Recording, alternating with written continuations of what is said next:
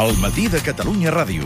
Lo único que habían hecho era matar a cuatro indios. No van ser quatre indis que van morir, van ser 12 milions Sí, sí. d'indis. I és que, fixa't, a la seva ment no tenen problemes als Estats Units perquè tenen una sola llengua. Jo no sé si això es pot lligar amb el seu concepte de desinfectar una societat, però en el seu cap, diguem, era bo d'exterminar 12 milions de persones perquè així al final tothom parli la mateixa llengua i puguem imposar la civilització. Amb Mònica Terribas.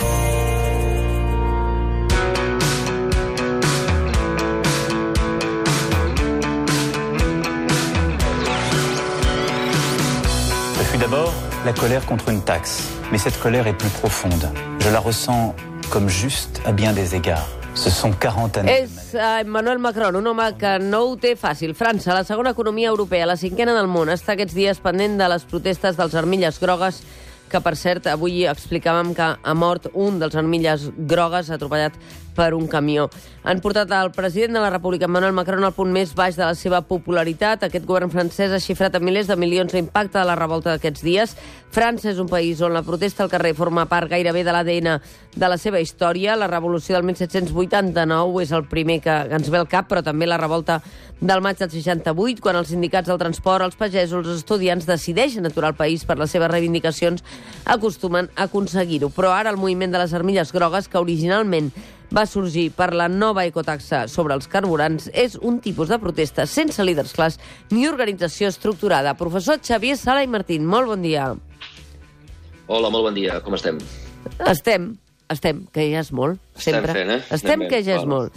Escolta'm, és molt complex apaivagar la protesta dels armilles grogues perquè potser no hi ha líders per negociar directament, però de fet tu, eh, jo recordo que ja vam fer un dia un, un informe a Sala Martín parlant de França com a bomba de rellotgeria dins de la Unió Europea per la situació socioeconòmica. I d'aquesta conversa potser ja en fa 3 anys o, o 4 fins i tot, eh?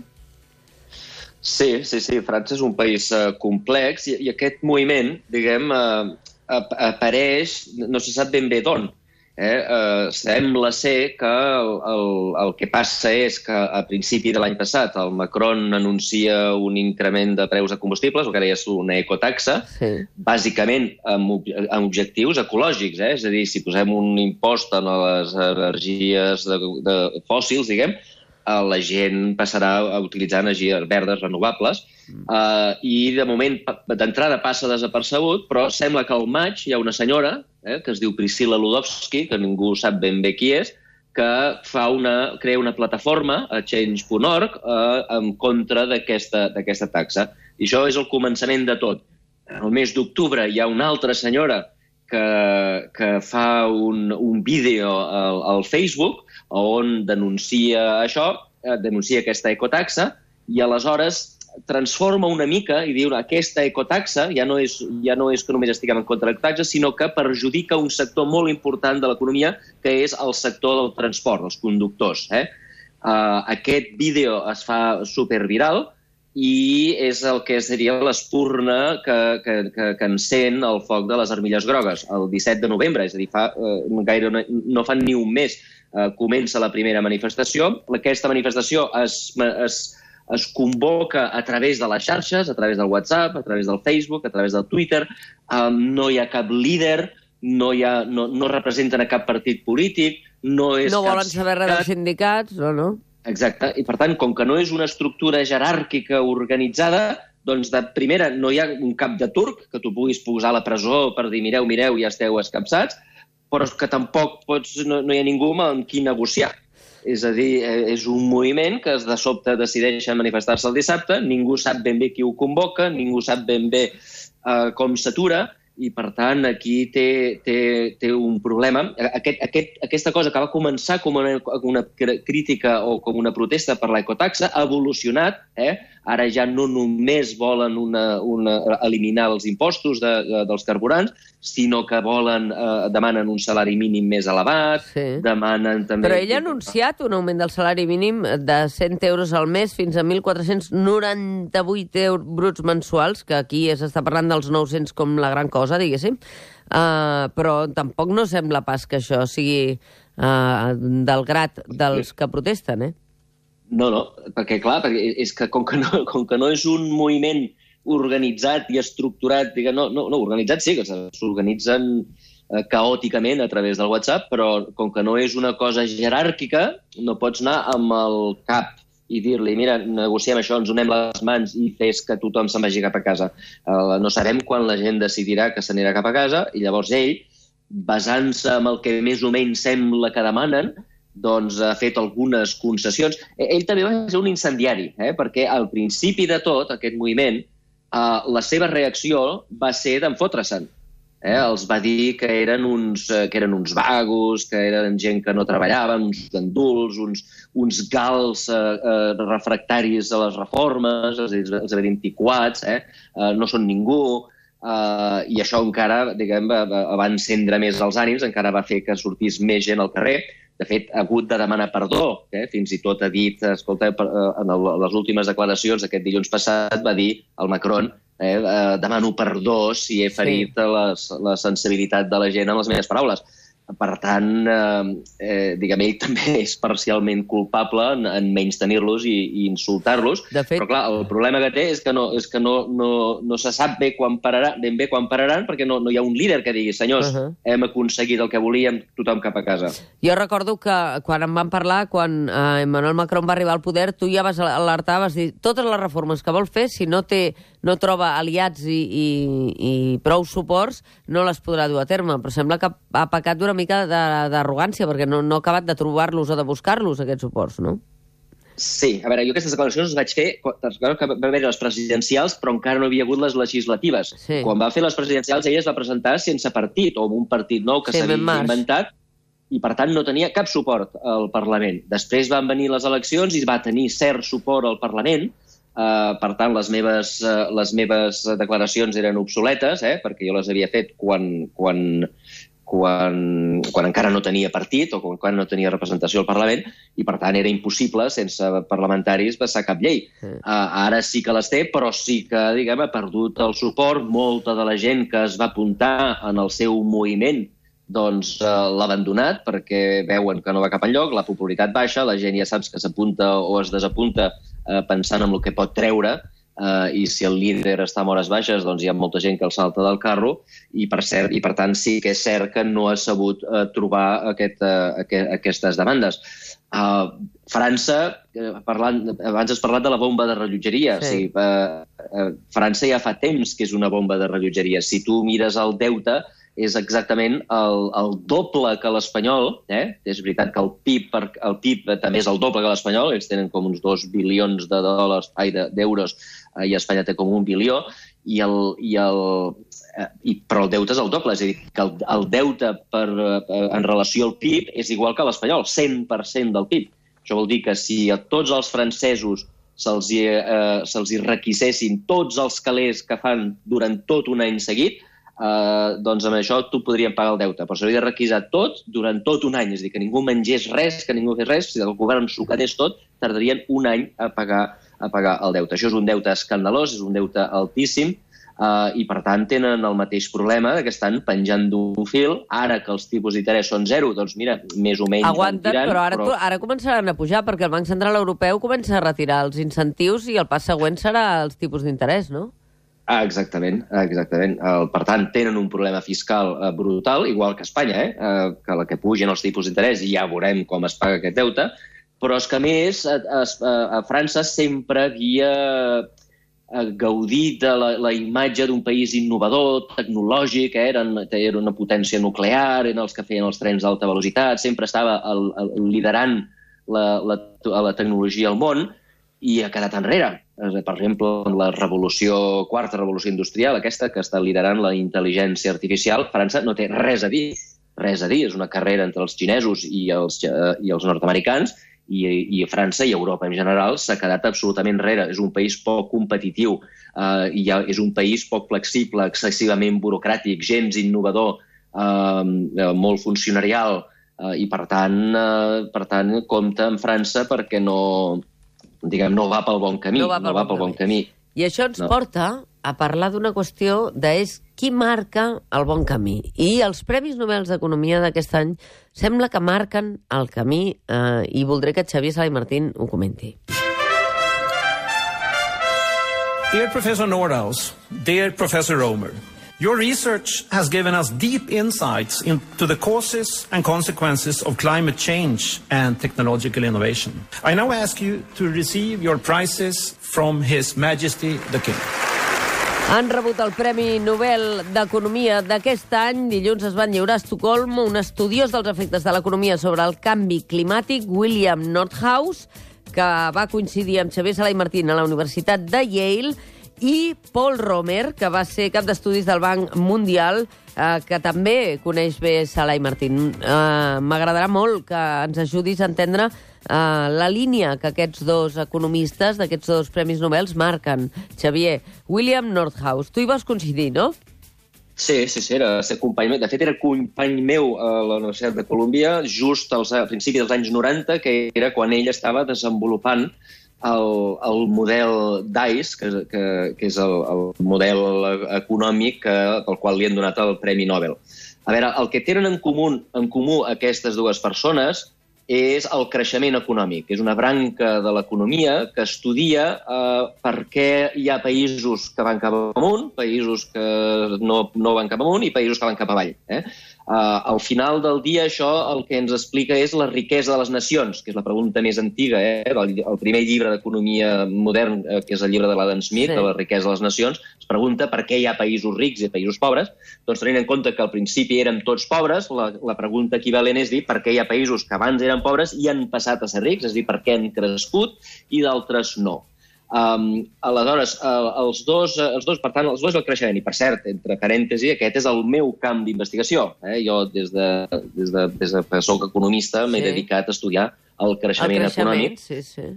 I, I, per tant, és el meu, és el, és el, és el meu camp. Eh? Llavors, uh, Nordhaus el que fa és aplicar, utilitzar els models de creixement, les teories de creixement, per estudiar un problema que en aquell moment era incipient, que era el model de canvi climàtic. És a dir, els, eh, en aquella època, recordeu, començava a haver-hi la teoria de l'efecte hivernacle, que deia que si els humans emetem CO2 a l'espai, el CO2 doncs, no deixa que el, els, els rajos del sol que, que xoquen contra la Terra i surten despedits un altre cop cap a l'espai, eh, el CO2 fa com una mena de manta que no els deixa sortir. Eh? I, per tant, l'augment la, de temperatures estarà estarà relacionat amb la quantitat de CO2 que hi hagi a l'atmosfera. Llavors, per fer prediccions de quan augmentaran les temperatures en els propers 50 anys, 100 anys o 200 anys, que és una predicció que ara ja tothom la fa, eh, doncs, clar, cal saber dues coses. Primera, que, quan, que, que quina, eh, diguem, eh, quin factor hi ha diguem, eh, que ens digui eh, eh, donada la, la quantitat de, de CO2 que hi hagi a l'espai, sí. quan augmentarà la temperatura? Eh? És a dir, si hi ha tant de CO2, la temperatura augmentarà quan? Si hi ha tant més, doncs a quan més? Eh? És a dir, això és una cosa que ens donaran els, els tècnics, el, els físics, els climatòlegs, ens diran si hi ha tantes tones la temperatura pujarà 2 graus, si hi ha el doble de tones pujarà 4 graus, etc. no? Però l'altre factor és saber quant de CO2 hi haurà d'aquí 50 anys. Ah.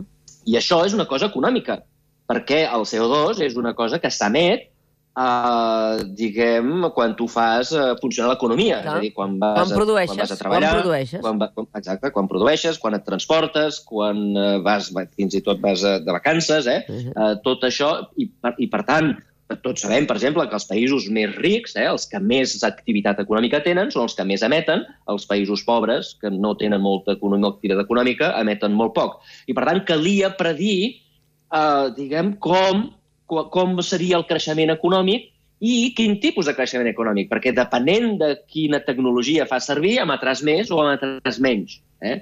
I aleshores el Nordhaus el que fa és posar, ajuntar aquestes emissions amb el creixement, amb el tipus de tecnologia, posar-ho tot junt per poder fer prediccions a molt llarg termini sobre quant de CO2, quant de CO2 s'emetrà a, a tot el planeta Terra. Eh? Dependrà de si Àfrica convergeix i es, i es torna rica com ha passat a Àsia, dependrà de què passi a Amèrica Llatina, dependrà també de si els nord-americans canvien de tecnologia o no, uh, i tot això és el que ell fa, prediu, utilitza un model, un model matemàtic per poder fer aquestes prediccions. Aquest model es va tornar famosíssim de seguida i, de fet, és la base que utilitzen el panell de les Nacions Unides de Canvi Climàtic per fer les prediccions que cada any ens, diguem, ens, ens Ens arriben a la premsa. Ens alerten, no? Exacte, exacte. Tot De- està basat en el, que, en el senyor Nordhaus. Uh, de fet, uh, arribes a la conclusió que hauríem d'estar-nos tots a casa sense fer res durant un o dos anys per intentar aturar això, com a mínim, o demorar-ho. Però, en fi, uh, parlem d'un No, altre... no, no, no. De fet, de fet saps, què arriba? saps quina conclusió arriba al Nordhaus? Què? La mateixa que el Macron. És a dir, que s'ha de posar un impost en els carburants. Clar. Uh, I, per tant, diguem... El, Per, el, per, elimi, això per que- acabar-los eliminant, per acabar eliminant l'ús per d'aquest- reduir. Eh. Per reduir. Eliminar no, perquè si tu elimines et quedes sense economia. És a dir, si prohibeixes els cotxes, òbviament hi haurà una catàstrofe econòmica. Mm, sí. I això no es pot fer. El que s'ha de fer és, és canviar, donar incentius a que la gent a poc a poc utilitzi altres, altres energies, a que utilitzi menys el cotxe, Que- i que aquest comprin incentiu cotxes elèctrics. són els impostos. Mhm. Exacte. L'altre economista Per- per tant, guardonat... El, el Nordhaus hagués causat també la, la catàstrofe de les, de les armilles grogues, el Nordhaus també l'hagués causat.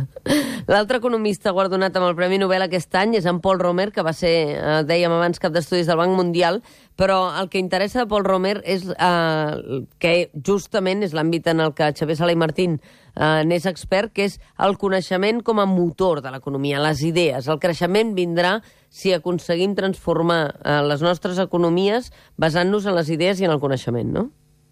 Exactament. Uh, diguem, seria, seria el que, la, la part del creixement econòmic o la part de l'economia que s'anomena l'economia de les idees, que és la que jo, diguem, uh, jo faig investigació i és la que jo dono classes a, a Colòmbia, l'economia de les idees o la teoria de les idees. A veure, a la, a tornem a la pregunta que us deia abans. La pregunta clau que mou tota aquesta branca del coneixement és per què hi ha països rics i països pobres? És a dir, per què hi ha països que en els 200 últims anys han crescut d'una manera brutal i països que en els 200 últims anys no han crescut gens i, per tant, estan igual que l'any 1800. Uh, I aleshores, uh, en principi, hi ha tres possibilitats. Una és que els països que s'han fet rics són en els que, en els que han fet inversió en el que, en el que els economistes anomenem capital físic. Capital físic vol dir maquinària, infraestructures, edificis, fàbriques, torres elèctriques, etc. Eh? Uh, és a dir, la, si tu viatges per eh, Barcelona o viatges per Accra, Ghana o per, per qualsevol país africà, veuràs una diferència bàsicament d'infraestructures. Eh? Uh, aquí hi ha carreteres bones, hi ha electricitat, hi ha, hi ha, hi ha llum per tot arreu, hi ha fàbriques, hi ha edificis uh, alts, i allà no. Eh? I aquesta és, podríem dir que és la diferència. Nosaltres hem sigut capaços de fer inversions eh, tant les empreses com els governs amb, eh, amb estructures físiques. La segona gran diferència entre un país pobre i un país ric és el nivell educatiu dels seus ciutadans. Eh? A l'Àfrica, la major part de nens, doncs, sobretot nenes, eh? perquè les nenes són les primeres que les fan fora de les escoles, doncs deixen d'estudiar quan són molt joves, llavors, clar, no, no són capaços de, de fer les coses que fem nosaltres, no són capaços de, de, de, de fer comptabilitat, de fer de fer de- d'advocats, de fer de metges, eh? i per tant és la seva la incapacitat del capital que anomenem humà. Eh?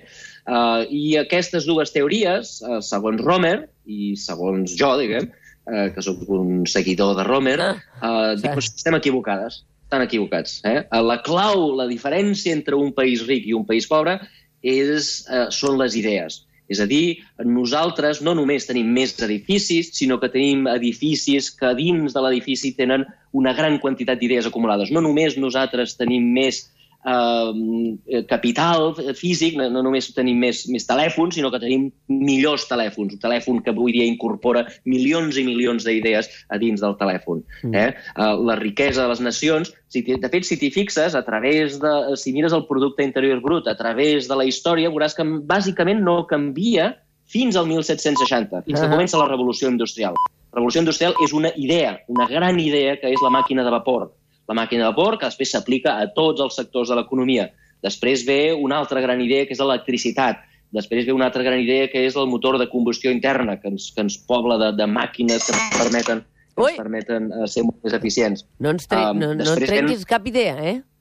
Oh, no s'ha trencat la, la tassa de cafè. Oh! Ah, de- Després ve el, el, els ordinadors, després ve el, eh, jo què sé, el telèfon celular, eh, i ara mateix està venint la intel·ligència artificial. És a dir, són aquestes revolucions tecnològiques el que fa que els països vagin creixent eh, eh, cada, cada vegada més, la clau no és ni les coses físiques, ni els recursos naturals, ni els recursos humans, eh, són les idees. Un cop la gent, un cop algú té una idea brutal, aleshores cal tenir les institucions que permeten que s'implementin aquestes idees. És a dir, s'inventa l'electricitat, però no s'implementa tot arreu igual. Uh, però sense electricitat no hi hauria diferència entre uns països i altres, sense ordinadors no hi hauria diferències entre un i altres. Uh, la clau de tot, la, la tot, de tot el creixement econòmic és la innovació. Però llavors la pregunta és per què hi ha països que innoven i països que no. Clar. Perquè eh, hi ha països aquí... que inverteixen més en educació. Una de les eh, coses que sempre ens recorda Xavier Sala i Martín és veure quins són els models educatius i què esperonen ah, dels nostres cervells. Si són cervells creatius que siguin capaços de, de cooperar generant eh, idees noves o són cervells que estan eh, programats per ocupar llocs de treball en estructures productives repetitives que ja coneixem. Ah, no? exactament. Exactament. Fixa't Veus com t'escolto per... durant tots aquests anys? Molt bé, no, no, és una, una lliçó... Una lliçó Estic intentant aprendre, Xavier. Sí, sí, no, no, has après superbé. Escolta, no és... La, això ens porta un altre cop l'educació, eh? No és, però no és la quantitat d'educació. Si tu als nens africans els hi dones el doble d'anys d'educació, d'una educació que no sabeix per res, els ensenyen bàsicament a, a, a, a fer tonteries, per més educació que tinguis, per més anys d'educació que tinguis, no servirà de res la clau no és la quantitat d'educació, sinó el tipus d'educació. Què és el que tu fiques en el cap dels nens i les nenes que els permeti ser creatius, que els permeti ser innovadors, que els permeti ser emprenedors, que els permeti ser crítics, ara que parlem tot el dia de les fake news, no? Com sabem quin tipus de notícies, quin tipus d'idea, quin tipus de cosa és, és correcta i quina és falsa? Uh, doncs el tipus d'educació que, que, que, que donem als nostres fills és clau, també no la quantitat d'infraestructures, no per tenir més i més i més carreteres o més i més i més electricitat seràs més ric, però el tipus d'inversió, inversions en tecnologies noves, inversions en, en, en, en, en eh, uh, infraestructures que permetin generar més idees. Eh? Eh. Uh, per tant, fixa't que és veritat que el capital humà, el, el cervell de la gent és important, eh, és veritat que la, el capital físic, eh, les infraestructures i les fàbriques són importants, però no la quantitat, sinó el tipus. Hi ha tipus de fàbriques que no serveixen per res, hi ha tipus d'educació que no serveixen per res, hi ha tipus d'educació que són absolutament imprescindibles. Ara que parlaves de les fake news, eh, en un postgrau eh, que dirigeix la Simona Levi, eh, Tecnopolítica i Drets a l'Era Digital, a la UPF, aquí a, en un centre que coneixes bé, aquí a, a la Barcelona School of Management, eh, deia que els estudiants el que més eh, els neguitejava i el que més demanden és tenir les claus per entendre com es verifiquen les dades, com es comprova la informació per poder, eh, diguem, moure's en aquest entorn de les idees del coneixement que està tan plegat de dades. És a dir, que realment un dels camps on, on s'ha de treballar és en com utilitzar el coneixement que tenim, no? I les dades que tenim. Absolutament, absolutament. Uh, fixa't que el sistema educatiu tradicional el vam dissenyar fa segles eh, en un món en el qual el que era escàs eren les dades. Mm. I, per tant, s'havia de posar dades i dades i dades en el cap dels nens, eh? els afluentes, jo me'n recordo estudiava els afluentes de los sí, ríos, sí. els capitals de província, els capitals del mundo, eh? ho dic en castellà perquè estudiava sí, en castellà. Sí, sí, jo també. Eh, estudiàvem allò, memoritzàvem, per què? Els reis doncs catòlics, a la Reconquesta, què havia fet cada Exacte. rei, etc. no? Exacte. Els anys, qui s'havia casat amb qui, l'any sí, en el que s'havien sí. casat, l'any en el que havien conquerit... La, perquè eren la, les dades la... disponibles. Era el que teníem a disposició Exacte. en aquell moment. Exacte, hi havia poques dades i, per tant, el que s'havia de fer era poblar el cap dels nens amb dades. Avui dia aquest no és el problema aquest és el problema, al contrari. Avui hi ha un excés de dades i, per tant, el, el, el sistema educatiu ha de passar de ser, diguem, donar, eh, eh, donar dades, poblar de dades al cervell dels nens per passar a, a, a filtrar quines dades són correctes, quines dades són interessants, quines dades en són útils i quines no. Mm. Eh? És molt més important el filtre que no pas el, el, diguem, el, el, el, el xorro d'aigua. Sí, el sí. xorro d'aigua ara, ara és, és excessiu. Tenim masses dades. Um, I, per tant, ha de canviar el sistema educatiu en aquesta direcció. Això que diu la Simona Levi és exactament exactament el problema. Seguim amb un sistema educatiu en el qual l'objectiu era posar dades, inundar de dades al cervell, ara el nen ja neix inundat. Des de Clar. que neix, escolta'm, el, el meu fill té 3 anys, escolta'm, uh, té dades per tot arreu, el que agafa, agafa el, tele, el meu telèfon, agafa l'iPad de la seva mare, etc el tio va començant i, i acumula informació que jo quan era petit no, no era, era impossible que tingués. Jo no anava a l'enciclopèdia del meu pare a veure fotos de gats. Al meu fill li apareixen fotos i fotos i fotos i fotos de gat i, per tant, ell en el seu cap desenvolupa un model de gat en, uh, que, li permet, doncs, que li permet fer coses que jo no podia fer. Uh, I, per tant, el que hem de fer és, és canviar el nostre sistema educatiu Sí. per adaptar-se en el món que tenim ara. Uh, també, uh, diguem, si pensem en el que, que en el fons la clau de la, del creixement econòmic, el clau de la, del, de l'èxit econòmic de, i, i, per tant, la possibilitat de tenir feina quan siguin grans els nostres nens, depèn de la seva creativitat. Clar. El que hem de fer és uh, uh, uh, fomentar aquesta creativitat. Per exemple, fomentar la curiositat Sí, sí. fomentar la curiositat. Uh, una, una, la, tota idea, quan tu tens una idea, què és una idea? Una idea sempre és una pregunta i després una resposta, eh, una resposta a aquesta pregunta. Els nens que són només capaços de trobar respostes mai seran creatius, perquè no, no, perquè no, no tindran la primera part, no seran capaços de, De- de, fer-se preguntes. Sí, sí. Eh? Xavier Per Sala i tant- Martín, uh, fantàstica uh, lliçó de Paul Romer i de Xavier Sala i Martín, perquè amb això coincideixen les feines que totes dues trajectòries han fet en el món acadèmic, en la investigació. Segur que no serà la darrera paraula sobre aquesta qüestió de Xavier Sala i Martín. Una abraçada, que vagi molt bé. Gràcies a vosaltres. Un petó. El matí de Catalunya Ràdio. Catalunya Ràdio.